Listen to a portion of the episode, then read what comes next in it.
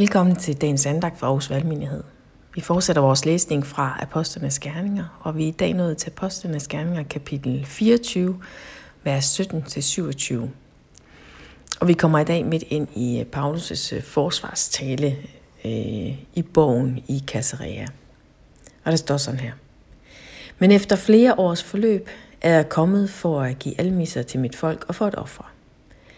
Det var det, de fandt mig i færd med i templet, da jeg var blevet renset, og hverken med at lave opløb eller uro. Men der var nogle jøder fra provinsen Asien, og de burde møde frem for dig og klage, hvis de havde noget at anklage mig for. Eller lad dem selv fortælle, hvad de fandt mig skyldig i, da jeg stod for rådet. Eller sige, om det kun drejer sig om det ene ord, jeg råbte, da jeg stod der.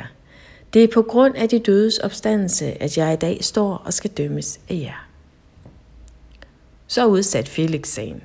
Han havde et ganske godt kendskab til vejen og sagde, når kommandanten Lysias kommer herned, vil jeg afsige kendelse i jeres sag. Felix gav officeren besked om at holde Paulus i mildt fangeskab, og ikke hindre nogen af hans egne i at gøre ham tjenester. Nogle dage senere kom Felix, ledsaget af sin hustru Drusilla, som var jøde. Han sendte bud efter Paulus og lyttede til hans ord om troen på Kristus Jesus. Men da Paulus begyndte at tale om retfærdighed og afholdenhed og den kommende dom, blev Felix bange og afbrød.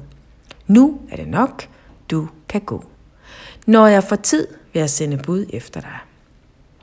Desuden håbede han, at Paulus ville give ham penge. Derfor lod han ham ret ofte hente og talte med ham. Der gik to år, så fik Felix en efterfølger, som hed Porcius Festus. Men Felix lod Paulus blive i fængsel, da han gerne ville skaffe sig velvilje hos jøderne.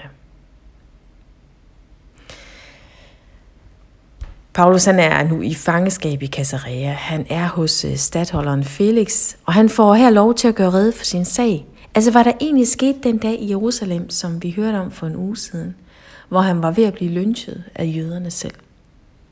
Og her i fangeskabet, der sker der noget spændende, for Felix han har et godt kendskab til vejen, til de jøder, som har mødt Jesus, og som forkynder hans opstandelse.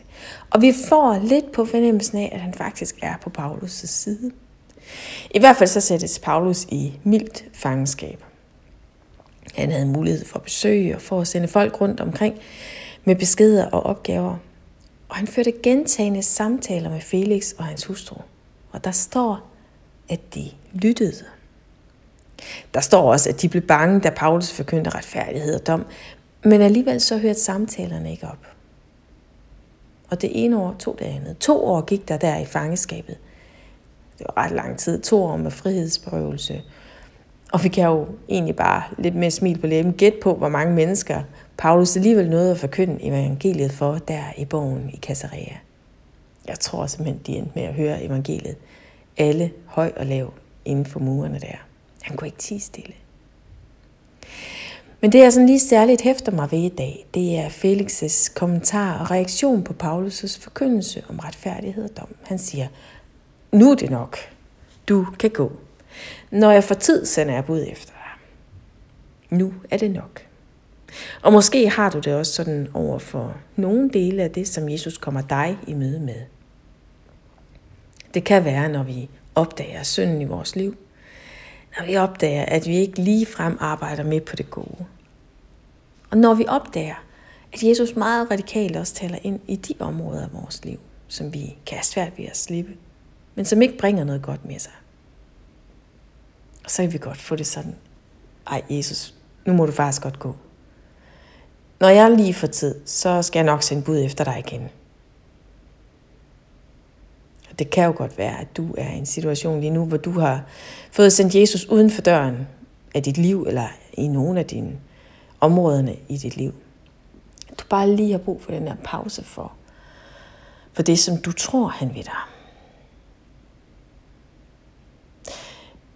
Men Jesus han handler udelukkende ud fra et motiv, kærlighed. Det er kærligheden, der gør, at han bliver ved med at banke på hos dig. Det er kærligheden, der gør, at han gik i døden for dig.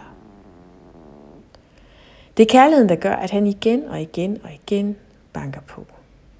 Måske er det i dag, lige i dag, at du skal åbne døren igen og invitere ham indenfor. Mærk efter og få øje på kærligheden fra ham. Lad os bede. Jesus, tak, at du øh, vedholdende bliver ved med at banke på. Jesus, tak, at du vil tage dig af det, som vi krampagtigt holder fast i, og som vi har svært ved at give fra os, men som dybest set fører os væk fra dig. Vi giver det til dig i dag, og vi beder, at du vil komme med noget og fred ind i vores liv i bytte. Amen.